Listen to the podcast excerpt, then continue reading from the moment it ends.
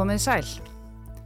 Ég heiti Sunna Valgerðardóttir og hefum sjón með þetta helst í dag. Jón Gunnarsson, dómsmálaráþara, hefur breytt reglugerðum lögregluna þannig að hún verður vopnuð rafbissum innan tíðar. Ráþara hefur verið gaggrindur fyrir samráðsleysi vegna þessa af stjórnar andstöðu, smávegis af ráþörunum í ríkistjórninni og svo líka af umbóðsmanni alþingis. Sá síðastnemdi lítur svo á að Jón hafi sniðgengið vandaða stjórnsýsluhætti í málinu og brotið gegn formreglu um samskipti innan ríkistjórnarinnar. Áleitt umbóðsmanns alþingis á rafbissuvæðingu lauruglunar er áfelli stómur yfir vinnubröðum dómsmálar á þeirra. Þetta segja þingmenn stjórnarandstöðunar. En hann máttu þetta svo sem alveg, þetta er bara ekki talið alveg nægilega smart eða eðlilegt. Jón er ósamála. Ég hef margi ítrekkað ávarpað þetta á undanförnum mörgum mánuðum í eh, ofinverðu umræðu, bæði í þinginu, í fjölmiðlum og greint frá því að undirbúningur standi yfir við að, það, að, að taka þessa ákvörðun sem að tekinu var síðan í lok árs. Bæði Jón og fulltrúar lauruglunar hafa ítrekkað sagt hversu mikilvæg þessi rafbísuvæðing sé sem er kölluð vörd með rafvopnum meðal annars vegna þess að slísum á lauruglumönnum hefur fjölgað undan farin ár. En í síðustu viku byrtist frétt á vísi þar sem sínt var fram á hið gagstæða svart á kvítu þeim hefur bara alls ekki fjölgað. Að minnstakosti ekki samkvæmt vinnu eftir litinu.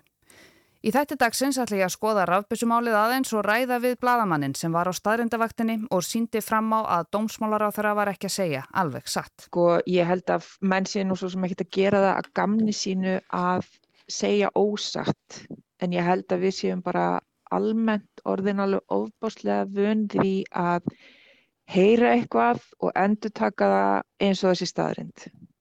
Og við erum allt, allt of sjaldan að staldra við og spurja, ok, við erum öll búin að heyra þetta, er þetta virkilega satt og rétt? Er hægt að bakka þetta upp? Og auðvitað þyrstu fjölmjölar að gera miklu, miklu meira á því að staldra við og, og, hérna, og aðtúa hlutina. En já, okkur náttúrulega bara er þrengur búin þrengur kostur.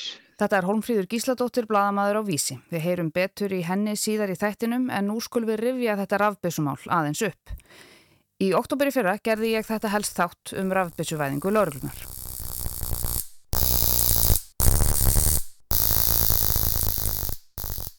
Samkvæmt nýleri tilraun breska varnamálaráðunitisins er rafmagnið sem skotið er úr rafbissu töluvert frá því að geta valdið hjartatröflunum hjá heilbriðum einstaklingum.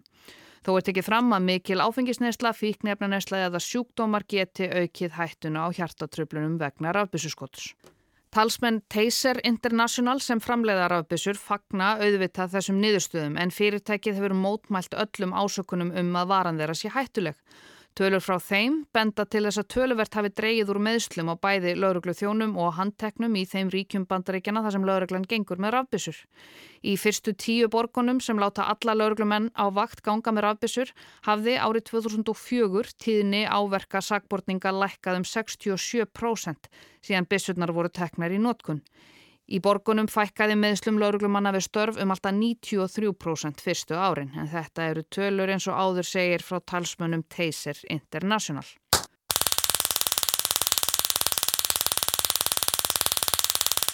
Í íslenskum vopnalögum falla rafbissur eða rafmagsvopn eins og það er kallað undir höggvopnaflokk. Höggvopn eru núajátn, gattakilfur, felukilfur, kilfur sem ekki eru ætlaðar til íþróttaiðkunar eða önnur slík vopn, svo sem rafmagsvopn, sem sé í sama flokki og kilfurnar sem lauruglumenn bera. Þetta var smá brott úr gamla helstinu um rafbissurnar síðan í oktober. En svo kom nýtt ár og dómsmálar á þeirra virtist var náða rafbissuvæða íslenska laurugluflótan án þess að bera málið upp í ríkistjórn. Hann saði reyndar frá því í aðsendri grein í mokkanum 30. desember, hann undirrittaði reglugerðina sama dag og búm, klárt. Í greininni saði Jón að sliðs á lauruglumönnum og öðrum séu of algenga en skýrslur og reynsla erlendra lauruglaembætta síni að rafvarnar vopn séu árangursríkt tól til þess að draga úr sliðsa og meðslahættu þegar valdi er beitt. Forsættisáþra saði reyndar sömuleiðis þennan sama dag að þetta þyrta ræða innan ríkistjórnarinnar og alþingis. Fram kemur í heimildinni að í áliti umbóðsmannsalþingi segi að í ljós hafi komið að ríkislauglustjóri hafi þá þegar verið búin að vinna að undirbúningi málsins um nokkurt skeið. Sömu leiðis að Jóni hafi orðið kunnugt um afstöðu Katrinar Jakobsdóttur fórsetisráþurra dægin sem reglunum var breytt og verður því að líta svo á að ráþarann hafi ekki séð ástæðu til þess að upplýsa yður, eins og umbóðsmaður orðar þetta, nýja ríkistjórnina um fyrirætlun sína við fyrra tímamark jafnvel þótt undirbúningur að málinu væri þá þegar hafinn hjá undirstofnunans, ríkisölgustjóra sem sé. Jón hafi hunsað ósk fórsetisráþara um að ræða málið í ríkistjórn og svo fleira í þessum dúr. En þetta áleitt kom reyndar bara í síðustu viku frá umbóðsmanni Alþingis um miðjan mars en þetta gerist í januar. Við kollum þetta reynda rafvarnarvopn. Við erum því miður að horfa fram á mikla aukningu í slisatíðinni meðal lauruglumanna þar sem þeir eru vegna þeirra sem þeir eru eiga við. Satt upplýsingu frá ennbætti ríkislauglustjóra hefur alvarlegum óbældisbrótum og opnuðum útkollum lauruglu og sérsveita ríkislauglustjóra fjölga mjög síðust ár sem dæmi má nefna að fjöldi útkalla þar sem sérsveit vopnast vegna skotvopna hefur nærið þrefaldast frá árinu 2016 og næri fjórfaldast vegna eggvopna. Þessi ákvörðun er fyrst og fremst tekin á grundvöldi þess að auka á öryggi lauruglumanna og það er fullt tilöfni til, virðulegu fórseti. Staðan í þeirra störfum hefur orðið miklu alvarlegri á undanförnum fáum árum heldur hún var fyrir nokkurum árum og uh, afleiðingarnir eru augljósar. Það er mikið meira um slís á lauruglumönnum Þetta var Jón Gunnarsson þeirra að ræða málið í Reykjavík síðdeis á nefndarfundi og svo í óundurbúnum fyrirspurnum á alþingi. Þetta er rosalega stórt mál. Ég er búin að vera fylgjast með eh, umræðu um rafbísunótkun í bandaríkjónum.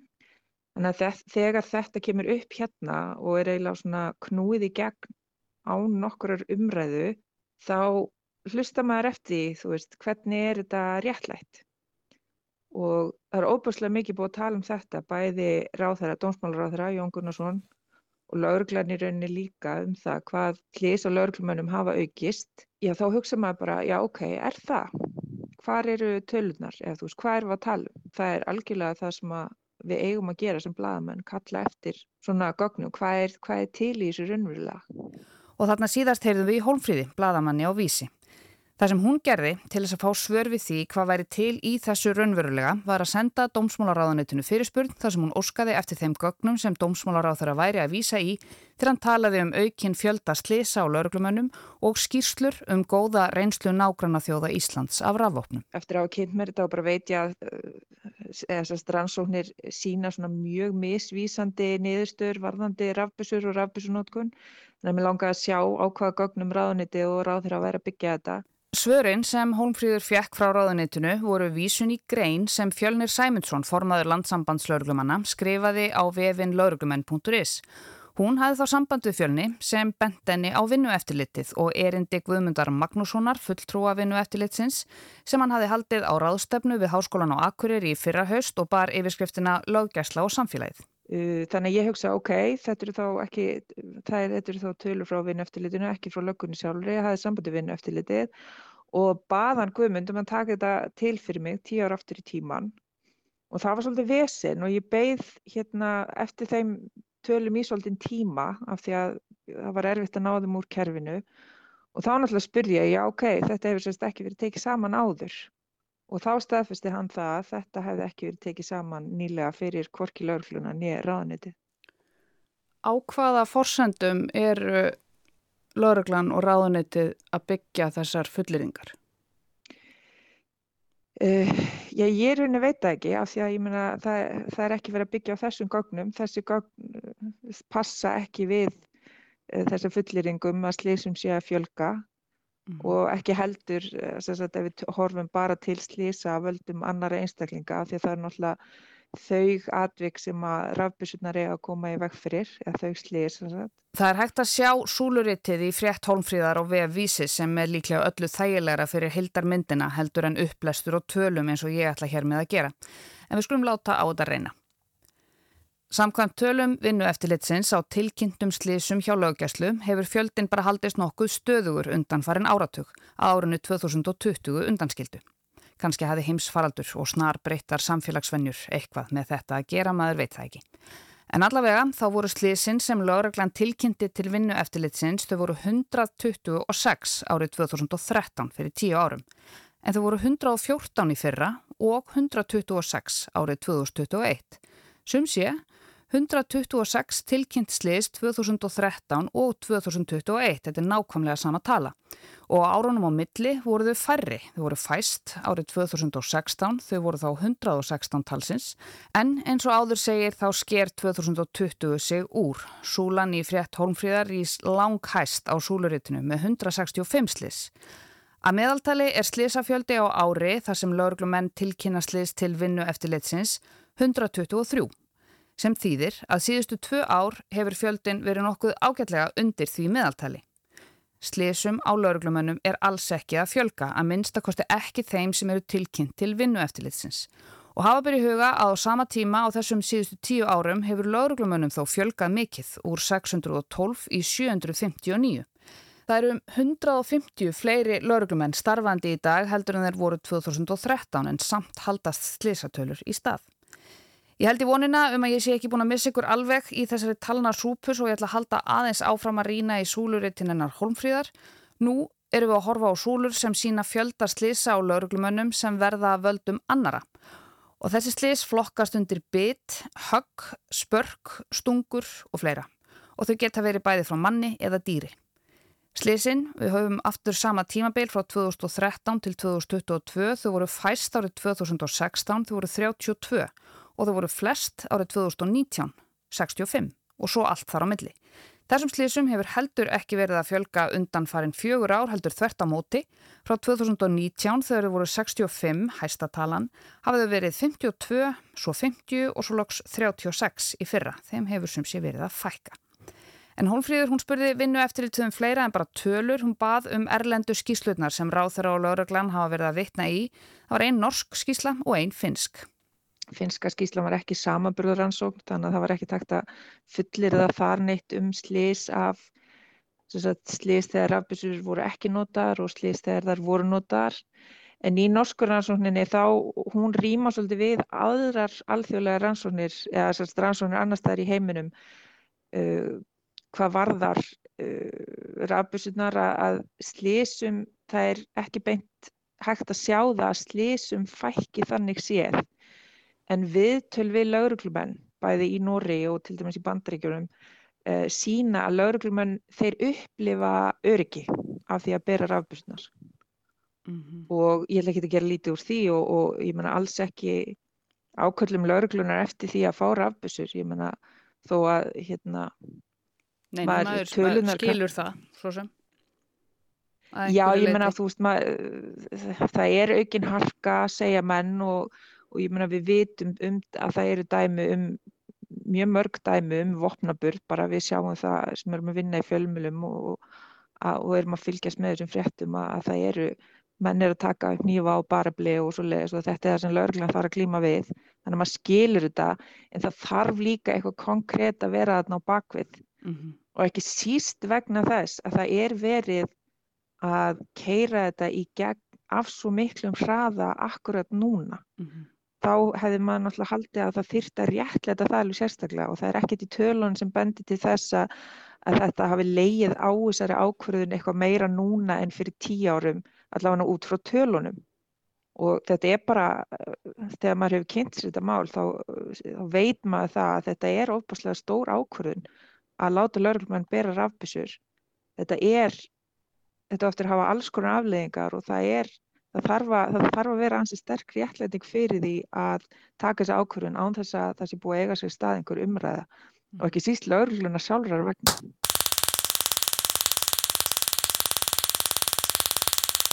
Veist, ég er alls ekkit á móti rafbössum eða svoleiðis en mér finnst þetta mjög skrítið hvaða er lítil umræða búin að fara fram um þetta með að hvað þetta er stór ákvörðun.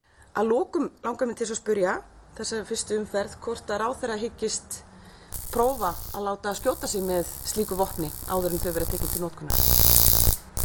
Hvort að ég higgist aftur prófa það að láta skjóta mig með rávarnarvopni, e, það verður bara komið ljós.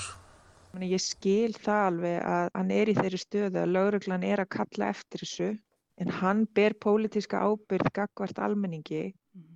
og það er hans að tryggja það að umræðan hafi farið fram og og við vitum öll hvað, þetta, hvað þessar ákvarðin sem hann er að taka þýða. Mm. Það er mjög mikilvægt að þessi ákvarðin ráð þeirra uh, sé tekin út frá bara konkrétt gögnum af því að það er mjög ábyrða mikið að taka svona ákvörðun án þessu umræðan eigi sér stað. Það hefur sínt sig erlendis að segja að það stendur í öllum skýslum um rafbissur hvaða er mikilvægt að þetta samtala eigi sér stað við almenning til almenningu missi ekki tröst á lauruglunni og líka bara að laurugla sé upplýst um það almennilega hvað hann er með í höndunum.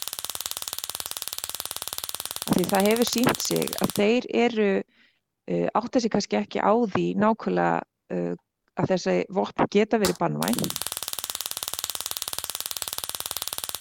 Uh, að fólk getur slasast á því þegar það er verið að nota þau og þetta náttúrulega getur haft áhrif bara á laurugluna og lauruglumenn. Þú veist, við sjáum þetta eins og þetta mál hana sem er núna í gangi af því að það er lauruglumæður sem er búin að glíma við áfallstreit út af þessu atviki í Hraunbæ. Hæstiréttur hefur samþygt áfríjunarbeðinni fyrirverandi sérsveitaramanns sem hefur glímt við áfallastreituröskun eftir aðgerðir sérsveitareinar í Hraunbæ í Reykjavík í desember 2013. Útkallinu lauk með því að lauragla skaut mannin til bana og var það í fyrsta sinn sem lauragla á Íslandi feldi mann. Sérsveitamæðurinn hvaðst hafa verið í bráður í lífsættu og óttast verulega um öryggi sitt. Í desember 2016 var hann metinn með miðlungsengjani áfallastreituröskunar sem ætti að veita honum rétt til skadabóta. Ég óttast það mjög að veist, það er búið að vera einn skotarást þar sem að lauragla banaði manni með skotvapni. Ég óttast það mjög að þetta muni verða til þess að á næsta áratug muni fleiri deyja af, völdum, af höndum lögurglu. Mm. Af því að það eru þeir sem að verða fyrir þessu eru fólk sem er að glíma við geðraskanir, fíklar og þetta getur verið hættilegt fyrir fólk með undirlegjandi hjartasjúkdóma og svona. Ég óttast bara bæði um þetta fólk en líka um hvaða áhrif það á eftir hafa fyrir laurugluna þegar svoleiðis gerist. Þetta var Holmfríður Gísladóttir, bladamæður á Vísi. Ég heiti Sunna Valgerðardóttir og einn ángi rafbössumál stómsmálar á þeirra var helst hjá mér í dag. Takk fyrir að leggja við hlustir og við heyrumst aftur á morgun.